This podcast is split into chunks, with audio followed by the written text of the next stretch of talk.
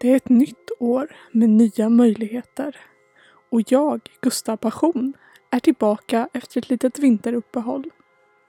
Men från och med denna veckan kommer den officiella dagen för nya avsnitt vara tisdagar varje vecka med lite smått och gott inslängt däremellan i mån av tid och möjlighet. Året kommer bli blodigare än någonsin med flera nya morbida serier och hemskheter. Så håll någon hårt i handen eller ta fram popcornen och sätt dig till rätta. Så blodigt välkomna till årets första avsnitt som idag handlar om Belle Gunness, den svarta änkan eller Lady Bluebeard som hon senare skulle bli vida känd som. En kvinna som inte bara ska ha samlat på sig rikedomar och systematiskt mördat över ett tiotal människor som hon ansåg stod i hennes väg mot lyckan utan lyckades även få sin omgivning att tro att det var hon som var offret i de tragiska händelserna som verkade hemsöka hennes liv. Välkomna till En blodig historia med mig, Gustav Passion.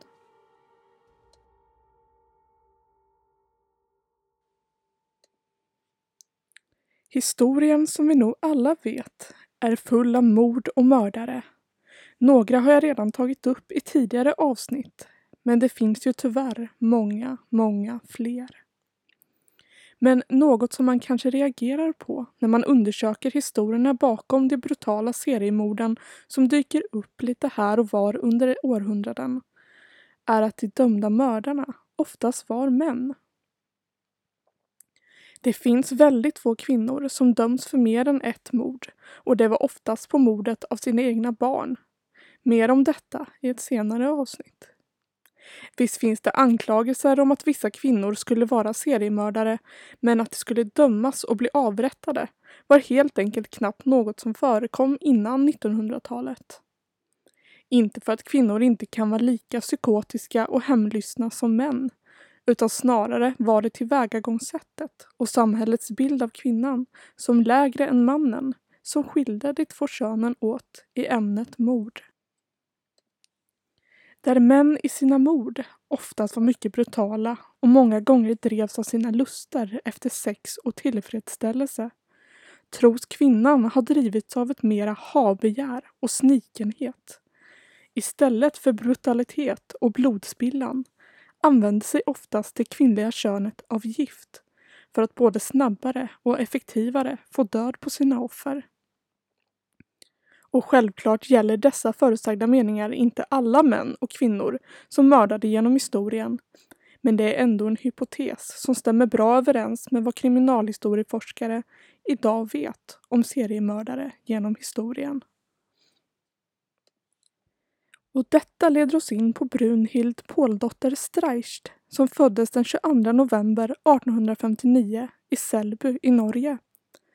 Dotter till en stenhuggare och inte med en särskilt rik barndom emigrerade hon på 1880-talet till USA, som många andra skandinavier under denna tid, för att söka lycka och välstånd. Hon ska där ha mött och gift sig med en norrman vid namn Mads Albert Sörensson 1893 och tillsammans öppnade de en godisaffär. Paret ska sedan ha fått fyra barn tillsammans och senare även tagit in ett fosterbarn och ett tag verkade deras liv vara mycket framgångsrik och lyckligt. Men efter något år ska Brunhild, som nu kallade sig Bell, ha börjat ta ut försäkringar på de flesta av familjens barn och egendomar, samt på hennes egen make. Detta var förstås inget som någon misstänkte något fuffens med i stunden, då livs och egendomsförsäkringar var viktiga medel ifall en man plötsligt dog eller om din verksamhet brann ner för att klara sig i längden. Men snart började olyckliga och tragiska händelser förpesta det en gång relativt lyckliga äktenskapet. Först brann deras affär och hus ner i en mycket mystisk brand och försäkringspengarna delades ut. Sedan ska två av deras minsta barn, både försäkrade in till tänderna, har dött av akut kolik. En sjukdom som delar många symptom av strykninförgiftning. Men något som obducenten inte tog någon särskild notis om och Bell och Mads Sörensson fick även dessa pengar utbetalade. Att Bell ska haft något att göra med sina barns död bevisades aldrig. Inte heller misstänktes hon för något brott förrän hennes make dog år 1900. Mads Albert Sörensson dog mycket lägligt den dagen då två av hans livsförsäkringar sammanföll. Vilket gjorde att Bell fick ut dubbelt så mycket pengar för hennes makes död. Och om det inte räckte för att folk skulle bli misstänksamma så diagnostiserades även dödsorsaken preliminärt, återigen som strykninförgiftning.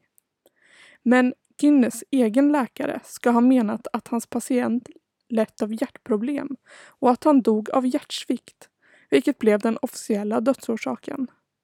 Trots att Mads familj begärde en mer genomgående undersökning av hans plötsliga död blev aldrig någon dömd eller ens anklagad för mord. Med fickorna fulla av försäkringspengar tog Bell hennes kvarlevande barn med sig och flyttade till LaPorte i Indiana där hon köpte sig en mycket stor farm med tillhörande land. Denna farm skulle senare bli känd som Mördarfarmen dit den svarta änkan lurade till sig friare och män med pengar bara för att sedan mörda dem och begrava dem på sin mark. Men dit kommer vi så småningom. Nu var Bell i alla fall en mycket välbärgad kvinna, men hennes begär efter mer verkade inte mättas eller törsta, utan snarare tvärtom. Inte långt efter att de flyttat in brann nämligen en stor del av farmen ner och Bell plockade glatt på sig även dessa försäkringspengar. Hon ska även mycket snart efter hennes ankomst satt klorna i en lokal slaktare och enkeman vid namn Peter Guinness och de gifte sig den 2 april 1902. Som i äktenskapet förde med sig två nya stuvdöttrar. Och de tre nykomlingarna i familjen försäkrade snabbt av Bell som också tog sin nya makes efternamn. Och det dröjde inte länge förrän Peters yngsta dotter dog under mystiska omständigheter i en sjukdom. Bells nya make ska ha börjat misstänka att allt inte stod rätt till med hans nya fru och skickade snabbt iväg sin äldsta dotter för att bo med släktingar. Flickan ska ha varit den enda av Bell Guinness alla biologiska och adopterade barn som överlevde hennes mördande begär efter pengar. Oturligt nog för Peter hade det nog varit bättre om han följt med sin dotter då han en mörk eftermiddag i december 1902 påträffades död på köksgolvet efter att en köttkvarn fallit ner från en hylla och träffat honom i huvudet. Det var i alla fall den officiella historien som Bell bedyrade hade hänt. Men denna gången ska rättsläkarna hitta tydliga spår av strykninförgiftning i den stackars Peter Guinness men Bell hävdade sin oskuld och grät många stora krokodiltårar över sin makes död. Och polisen kunde inte hitta någon form av styrkande bevis för obducentens upptäckt. Varken i huset eller i Peter. Så även detta fallet avskrevs och Bell fick ut livförsäkringspengarna även för denna make. Men hela händelsen året 1902 hade fått hennes grannar att akta sig noga för att ha något att göra med henne och ingen man som kände till händelsen med Peter vågade sig närma henne eller hennes nu utökade barnaskara. Då sex månader efter Peters död födde Bell deras gemensamma son. Nu när hennes grannar hade garden uppe och rykten om henne började florera runt i staden började Bell med en ny bedrägeri och mordverksamhet. Trots att hon kanske idag inte skulle betraktas som någon speciell skönhet då hon var rätt så lång och kraftigt byggd och ska ha haft nästintill maskulina drag så hade hon ju nu samlat på sig en hel del pengar. Så hon började skicka in annonser till ett flertal tidningar, både lokala och rikstäckande, efter potentiella välbärgade makar som ville komma till hennes farm och leva tillsammans med henne och barnen. Och till det som svarade på annonsen, via brev eller telegram, uppmanade hon dem att ta med sig sina pengar och att inte berätta för någon vart de skulle resa. Upp till ett tiotal män ska ha rest till Bell Guinness farm i Laporte och sedan aldrig syns till igen. Då när de anlänt ska Bell ha övertygat dem att köpa sig in i farmen genom vissa andelar som sattes in på Bells bankkonto. Och när transaktionen var genomförd ska hon antingen ha förgiftat deras mat när de firat samarbetet eller helt enkelt huggit ihjäl dem genom att slå dem med en yxa i huvudet. Vissa källor säger även att hon ska ha huggit deras kroppar i småbitar och låtit sina grisar äta upp resterna av de mördade männen. Det finns inte ett exakt nummer på hur många män som Bell ska ha lurat till hennes farm med falska förhoppningar bara för att bli mördade och lemlästade. Då de flesta av dem som ankom enligt Bells instruktioner inte ska ha meddelat någon om vart de rest och att det inte alls var ovanligt att anonymt försvinna under denna tid. Men mellan åren 1903 och 1908 ska hennes grannar ha sett en ström av män i alla åldrar haft en tät relation med Bell Guinness som, som skulle behålla sin sista äkta makes efternamn och med namnet gå till historien. Hennes barn ska också setts till mindre och mindre och under 1906 ska den fosterflicka som funnits vid Bells sida sedan hennes första äktenskap helt försvunnit från de vakande ögonens synfält. En tidig morgon i april 1908 brann Bell Guinness farm ner till grunden och när stadens poliser och auktoriteter undersökte resterna av byggnaden hittades liken av hennes tre återstående barn och i källaren ett huvudlöst kvinnolik som antogs vara Bell själv. Den preliminära rapporten var att Bell mördats och att gärningsmännen sedan bränt ner huset till grunden med de tre barnen fortfarande vid liv inne i huset för att undanröja bevis och tyst kunna försvinna i natten. Men när en man vid namn Asle Helgeligen dök upp i staden i jakt på sin försvunna bror Andrew, som varit en av de män som Bell förfört och fått att resa till farmen bara någon månad innan branden. Hans bror Asle, i olikhet med många av de andra offren, hade varit mycket medveten om hans brors brevväxling och resa och blivit mycket orolig när han sedan inte ska ha hört av sin bror sedan han anlänt till Laporte. Asle var övertygad om att Bell mördat hans bror och pressade polisen hårt för att undersöka platsen och marken runt omkring närmare. Polisen undersökte platsen närmare tillsammans med en av Bells före detta drängar och till sin förfäran ska de i grisarnas matråg av ren slump hittat resterna av två armar, två ben och ett huvud i en halmsäck som Asle helgeligen identifierade som sin brors. Utredningen tog nu fart på allvar och inom två dagar hade polisen hittat elva liknande säckar med samma innehåll fast tillhörande olika personer begravda runt om ruinerna av huset och de tillhörande byggnaderna. Var bålen och underdelarna tagit vägen vet man fortfarande inte men det faktum att den första säcken upptäcktes i grisarnas mattråg gav polisen en mycket hemsk teori. Då många av säckarnas innehåll var i ett så nedbrutet stadie var det svårt att få definitiva identifikationer av offren.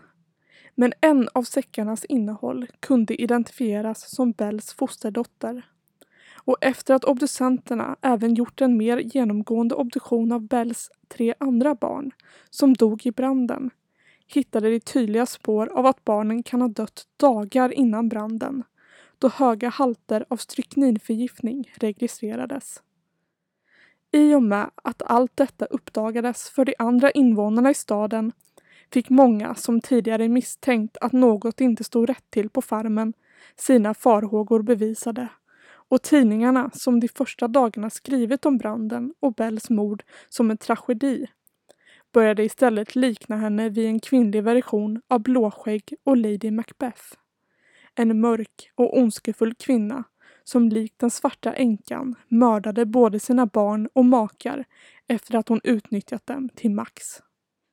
Farmen, som många tidigare undvikit, blev istället en morbid turistattraktion dit stadens invånare flockades för att få sig en titt på ruinerna av Bells mördarimperium. Men den stora frågan, som i alla fall poliserna nu frågade sig, var om den huvudlösa kvinnan i källaren verkligen var Bell Guinness och vem som hade tänt på hennes hus. Då inget huvud de hittat matchade kvinnans behövde de bevisa utan minsta tvivel att liket verkligen tillhörde Bell Guinness. Efter att ha spenderat flera dagar med att leta efter bevis ska de ha hittat ett par delvis nedbrända tänder som de matchade med Bells tandläkaruppgifter.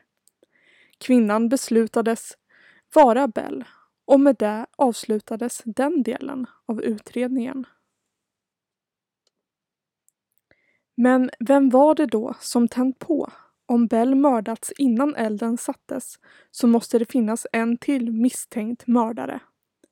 Deras fokus skiftade då till en annan av Bells dåvarande drängar vid namn Ray Lamper som snabbt blev deras huvudmisstänkta då han själv erkänt att han sett rök komma ut från byggnaden och inte rapporterat detta till någon då han var rädd för att själv få skulden.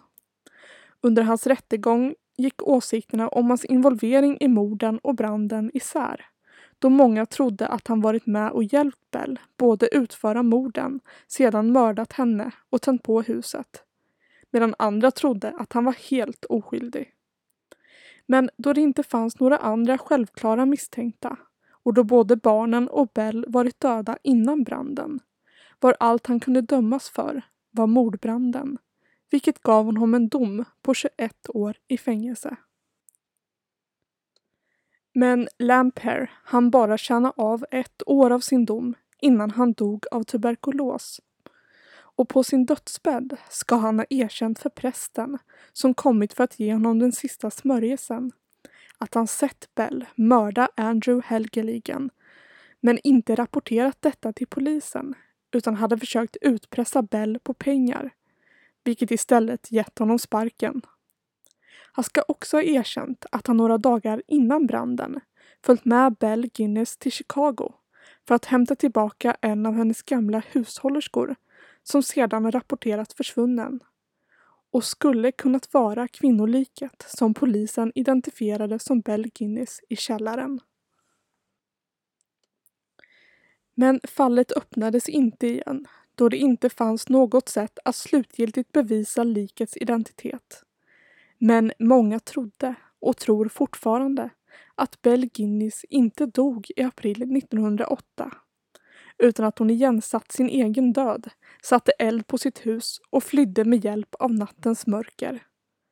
Var hon skulle tagit vägen och när hon faktiskt dog finns det en hel del teorier och rykten om inte minst då hennes fasansfulla lust för mord och pengar någonstans måste, måste ha gett sig till känna.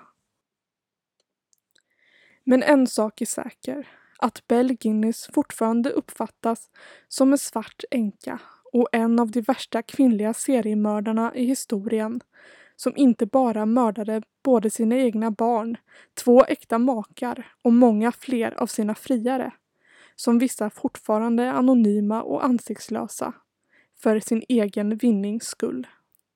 Hennes historia är fylld av mörker, begär och blod.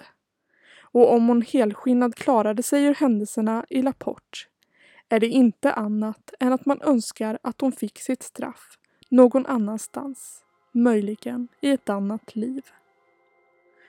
Detta var En blodig historia med mig, Gustav Passion.